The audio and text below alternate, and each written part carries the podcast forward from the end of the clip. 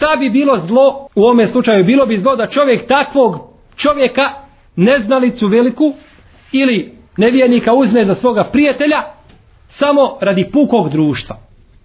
Nije njemu ni na kraj pameti da mu govori o vjeri. E to bi bilo zabranjeno i to bi bilo pogrdno.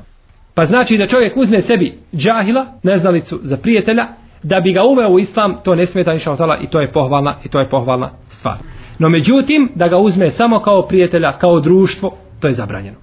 Zabranjeno je zato što poslanik sallallahu alaihi wasallam kaže u predaji koju bilježi imam Tirmizi, Ibn Hibbani, Tajalisi i drugi, od Ebu Sejda al-Hudrija, da je poslanik sallallahu alaihi wasallam rekao, La tu sahib illa mu'minen, wala je'kul ta'amek illa teqi.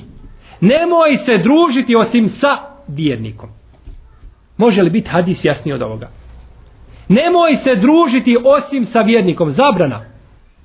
Može li biti vjernik onaj ko ne klanja, onaj ko ne posti, onaj ko priča, ne pazi na svoj jezik? To se ne smatra vjernikom. Taj najbolje što se za njega može kazati, ako se može uopšte kazati, moglo bi biti da je musliman nekakav. Po ličnoj karti samo. Nemoj se družiti osim, nemoj biti sahib, prijatelj, nemoj drugovati osim sa vjernikom. I nemoj da tvoju hranu jede nego bogobojazan. Zašto poslanik sallallahu alejhi ve selleme kaže i brani da tvoju hranu jede i ko drugi osim čovjek koji je bogobojazan.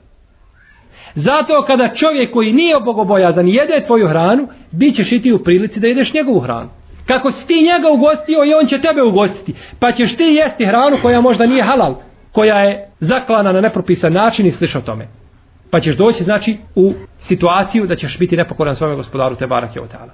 A to je sve zato što se uzeo znači čovjeka za prijatelja koji nije vjernik i koji nije pokoran uzvišenom Allahu te barake otala. Allah Đelešanu je počastio muslimana time što ga je izveo iz tmina na svjetlo. I čovjek da bi se Allahu Đelešanu zahvalio, treba prvo što treba da učini jeste da promijeni svoje društvo. Jer čovjek koji primi islam i uđe u vjeru i nakon toga nastavi sa starim društvom sa kojim je bio, takav neće ostati u vjeri. To je nemoguće da ostane.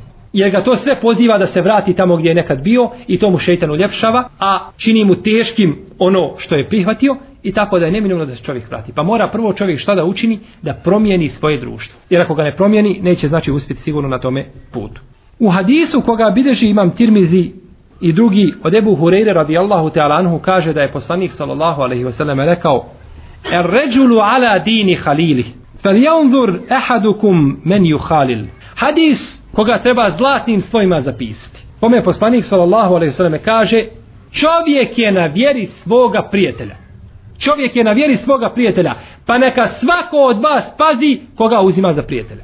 Da ne bi čovjek kazao jeste. Ja imam prijatelja koji nije vjernik i nije dobar musliman i bori se protiv vjere i smijava se sa vjerom, ali ja sam dobar mu'min. Ne. Poslanik ti sallallahu alaihi sallam kaže to nije tačno što pričaš. Jer si ti na njegovoj vjeri. Danas ili sutra vratit ćeš se njegovim stopama. Čovjek je na vjeri svoga prijatelja i svoga druga, pa neka svako od vas pazi koga uzima za svoje društvo. Ovaj hadis dobrim smatra imam Tirmizi i šejh Albani, a vjerodostojnim su ga ocijenili imam Hakim, imam Zahebi, imam Neovi i Ahmed Šakir u svojim opaskama na Mustad imama Ahmeda. Poslanik sallallahu alejhi ve sellem nam, draga moje braćo i cijenjene sestre, navodi najbolji primjer i najjasniji primjer kako to izgleda dobro i loše društvo. Pa kaže u hadisu koga bilježe Buharija i Muslim od Emu Musa Elešarija radijallahu ta'ala anhu primjer dobrog društva i primjer lošeg društva su kao primjer čovjeka koji nosi misk i primjer čovjeka koji nosi oganj u koji puše. Usijani oganj u koji puše. Kaže onaj čovjek koji nosi misk ili će te namirisati ili ćeš kupiti od njega mirisa znači namirisat će te besplatno ili ćeš kupiti od njega mirisa pa ćeš se sam mirisati ili ćeš bar osjetiti lijep miris. Kako god da okreneš sa lijepim čovjekom mu'minom je pravi hajr i pravo dobro. A kaže primjer onoga lošeg društva ili je to da će ti čovjek progoriti tvoju odjeću koliko ljudi ima koji nisu pušači pa dođu progorene odjeće. Ali je sjedio bližu pušača pa mu progori odjeću. Ili će ti progoriti tvoju odjeću ili ćeš osjetiti neprijatan miris. Jedno do to dvoje. Znači nema od njega nikakvog hajre, nikakvog dobra. To je primjer dobrog i lošeg društva. To nam poslanik sallallahu alaihi wa alihi wasallam navodi. Što se tiče sestre koja pita za savjet, molimo prvo Allaha Đelešanu da popravi i njeno stanje i stanje njenog supruga ja joj savjetujem da potraži jednu prije svega učenu osobu koja ima utjecaja kod njenog muža i da pokuša razgovarati sa njim da nađe znači nekoga koja je utjecajan kod njenog muža da kaže svoj problem pa da pokuša ta osoba razgovarati sa njenim mužem da se klone takvog čovjeka. Ako se druži sa njim zbog društva jer čovjek koji se nalazi s tobom u društvu pa te spominje napominjete da tvoju prošlost i spominjete ono što je nekada bilo taj ti ne želi dobro. Taj hoće da te baci u vatru džahennemsku poslanik sallallahu alejhi ve selleme kaže u jednom hadisu neće čovjek osjetiti slast imana dok ne bude mrzio da se vrati u ono što je nekad bio u njemu kao što mrzi da ga u vatru džehennemsku baci. Pa kako onda čovjek sebi može uzeti za druga za prijatelja čovjeka koji ga posjeća sjeti se šta si činio sjeti se šta si bio sjeti se one sjeti se ove. To nije prijatelj, to je neprijatelj, to je šeitan koji čovjeka hoće da odvede u vatru džehennemsku. Pa neka potraži nekoga ko će na savjeti od njegovog muža, znači ne bi li Allah Žešanu dao znači da se popravi stanje, nema smetnje da i ona sa vremena na vrijeme blago razgovara sa svojim mužem, da ne bude gruba, a prije svega toga neka iskreno dovu uputi Allahu Đelšanu, pa inša Allah da će Allah te barak je od ta'ala popraviti stanje. Wallahu ta'ala a'ala. Da li je ženi dozvoljeno nositi periku? Bismillah, alhamdulillah. Bileže Buharija i Muslim u svojim vjerodostojnim hadijskim zbirkama od Muavije radijallahu ta'ala anhu da je jedne prilike držao hutbu ashabima sa mimbara poslanika sallallahu alaihi wa alihi wasallam. Dok je držao hutbu u svojoj ruci je imao jedan čuperak kose koju je uzeo od jednog dječaka. Pa je kazao, ja ehlel medina, ejne ulemaukum, ja ehlel medina, ejne ulemaukum, o stanovnici Medine, gdje je vaša ulema? I gdje su vaši učenjaci? Šta je ovo? Čuo sam poslanika sallallahu alaihi wasallam da je rekao Benu Israil Izraelićani su kaže uništeni kada su njihove žene počele koristiti ovo. Kada su počele te čuberke kose da vežu za svoju kosu. Pa da tako žena produžava svoju kosu. Kaže uništene su kada su počele koristiti ovo. Odnosno Benu Israil svi su uništeni. U drugoj predaji kod imama muslima kaže poslanik sallallahu alaihi wasallame ovo niko ne čini nego židovi. To samo židovi čine. I to je prevara i to je obmana. Tako je kazao poslanik sallallahu alejhi ve Nazvao je korištenje perike obmanom i prevarom. Ali nije perike ona koja je danas poznata kod nas. Kada čovjek kompletnu kosu promijeni i žena, nego čuperak jedan kose koji se zaveže za kosu da bi malo izgledala ljepša ili duža, to je poslanik sallallahu alejhi ve alihi nazivao prevarom. Kod Buharije i kod muslima stoji predaja od Ajša radijallahu ta'ala anha da se jedna djevojčica udala ili djevojka da se udala od Ensarija pa da je oboljela pa da je njena kosa počela opadati. Pa su htjeli da njenu kosu pojačaju i da privežu drugi dio kose za nju tako da bi izgledala duža. Pa je poslanik sallallahu alaihi wasallam rekao La'an Allahu el wasile wal mustausile prokleo je Allah onu ženu koja drugoj ženi produžava njenu kosu, veže kosu za kosu da bude duža i ljepša, i prokleo je onu kojoj se to čini. U drugoj predaji, isto kod Buhari i kod muslima, od Esme radijallahu ta'ala anha, stoji da je kazala, došla je jedna žena poslaniku, sallallahu alaihi wasallame, pa je rekla, o Allahov poslaniće, kaže, ja sam udala svoju kćerku, pa je obolila. Počeli su joj se kaže pojavljivati plikovi po njenoj glavi pa je počeo jedan dio kose da otpada. Pa je kazala da li dozvoljavaš o Allahov poslaniće da mi to njoj produžimo? I da zavežemo druge čuperke kose da izgleda njena kosa ljepša pa da može pokriti znači ono što je otpalo od kose pa je poslanik sallallahu alejhi ve selleme prokleo onoga ko tako nešto čini Ove nam znači predaje jasno ukazuju da je zabranjeno čovjeku ili ženi također, ovdje se govori o ženama, ali propis se veže i za muškarce, da je zabranjeno znači da koriste, da koriste periku. Neki islamski učenjaci poput Saida ibn Đubeira i imama Ahmeda, kako bilježi imam Ebu Davud u svome sunenu, smatraju da je dozvoljeno ženi da stavi el karamil. Karamil je jedna vrsta biljke koja je imala svijetle niti. Kažu da je dozvoljeno ženi da to stavi na svoju kosu i da pojača da time znači pojača i da uljepša svoju kosu. Kaže Hafiz ibn Hajar u Fethul Bariju, kaže ovim se cilja da uzme svilene niti koje će staviti u svoju kosu i da time da se uljepša. No međutim, ovo mišljenje nije prihvatljivo zbog hadisa koga bilježi ima muslim u svome sahihu od Džabira radijallahu ta'ala anhu. Zeđara Rasulullahi sallallahu alaihi wasallame en tesile mar'atu bi ša'riha še'a. Zabranio je poslanik sallallahu alaihi wasallame da žena bilo šta spoji sa svojom kosom. Bilo šta šeja, bilo šta da zaveže za svoju kosu i da to spoji da se tako uljepša. To je zabranjeno i zato nije dozvoljeno znači ni čak da spoji one niti bilo da se radi o vuni i bilo da se radi o svili tako da nije dozvoljeno da to znači učini. I ovo je mišljenje većine islamskih pravnika. Zato ovdje je bitno ukazati da ono što čini danas i curice male što im se stavlja na glavu poput pletenica i perike i tako dalje to nije ispravno da se čini čak ni malim curicama bolje je to ne činiti a velikim je to haram i zabranjeno jer je to jasno znači poslanik sa osanem zabranio ovim hadisima ova stvar je zabranjena iz četiri razloga prvi razlog je to što je poslanik sallallahu alejhi zabranio ovakav postupak Oma takum rasulu fakhuduhu wa ma nahakum anhu fantahu. A ono, ono što vam da poslanik sallallahu alejhi ve to činite i to uzmite. A ono što vam zabrani, toga se prođite. U hadisu koga bilježi Buhari i Muslim, kaže poslanik sallallahu alejhi ve selleme: "Ma nehaytukum anhu fajtanibuh. Wa ma amartukum bihi fa'tu minhu mastata'tum." Kada vam nešto zabranim, toga se klonite. A kada vam nešto naredim, učinite od toga koliko možete ovaj hadis, braćo, pobija riječi svakoga onoga koji kaže, kada mu kažeš nemoj činiti to i to, kaže ne mogu. Ne mogu to ostaviti. To je pogrešno. Poslanik sallallahu alejhi ve selleme kaže kada vam nešto zabranim, prođite se toga.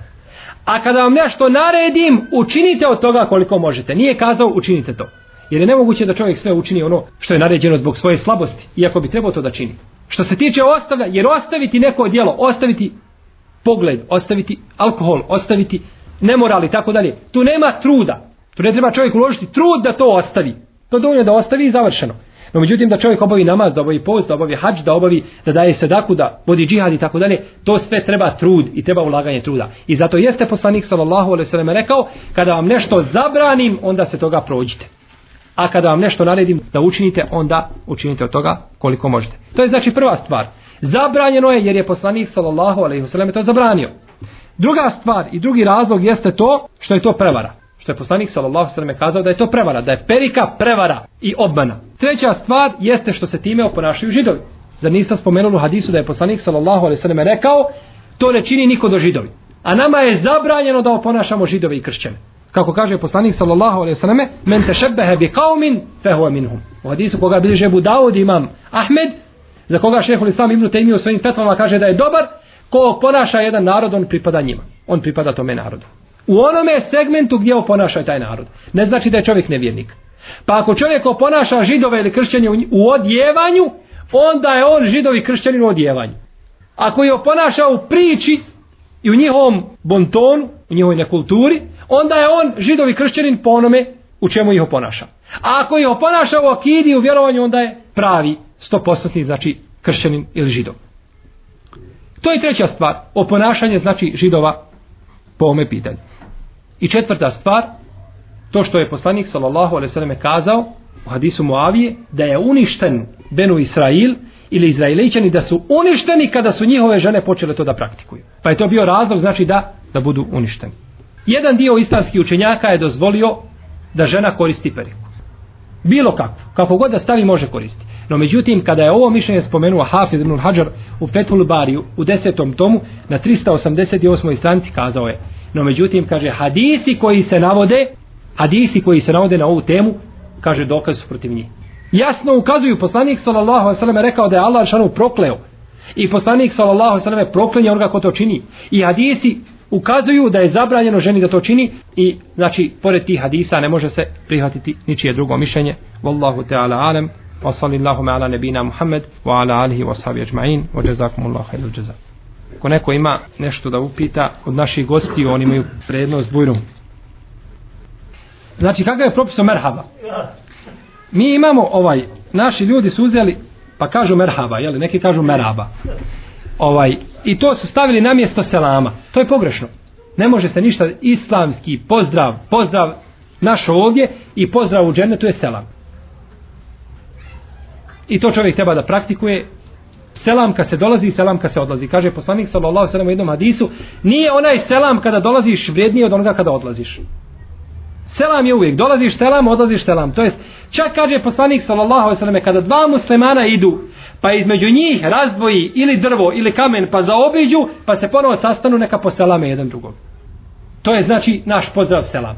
Što se tiče riječi merhaba, mnogi tvrde da je riječ merhaba turskog porijekla. To je pogrešno. Riječ merhaba je arapskog porijekla. I riječ merhaba je islamski pozdrav, također. Ali kakav islamski pozdrav? Nakon selama.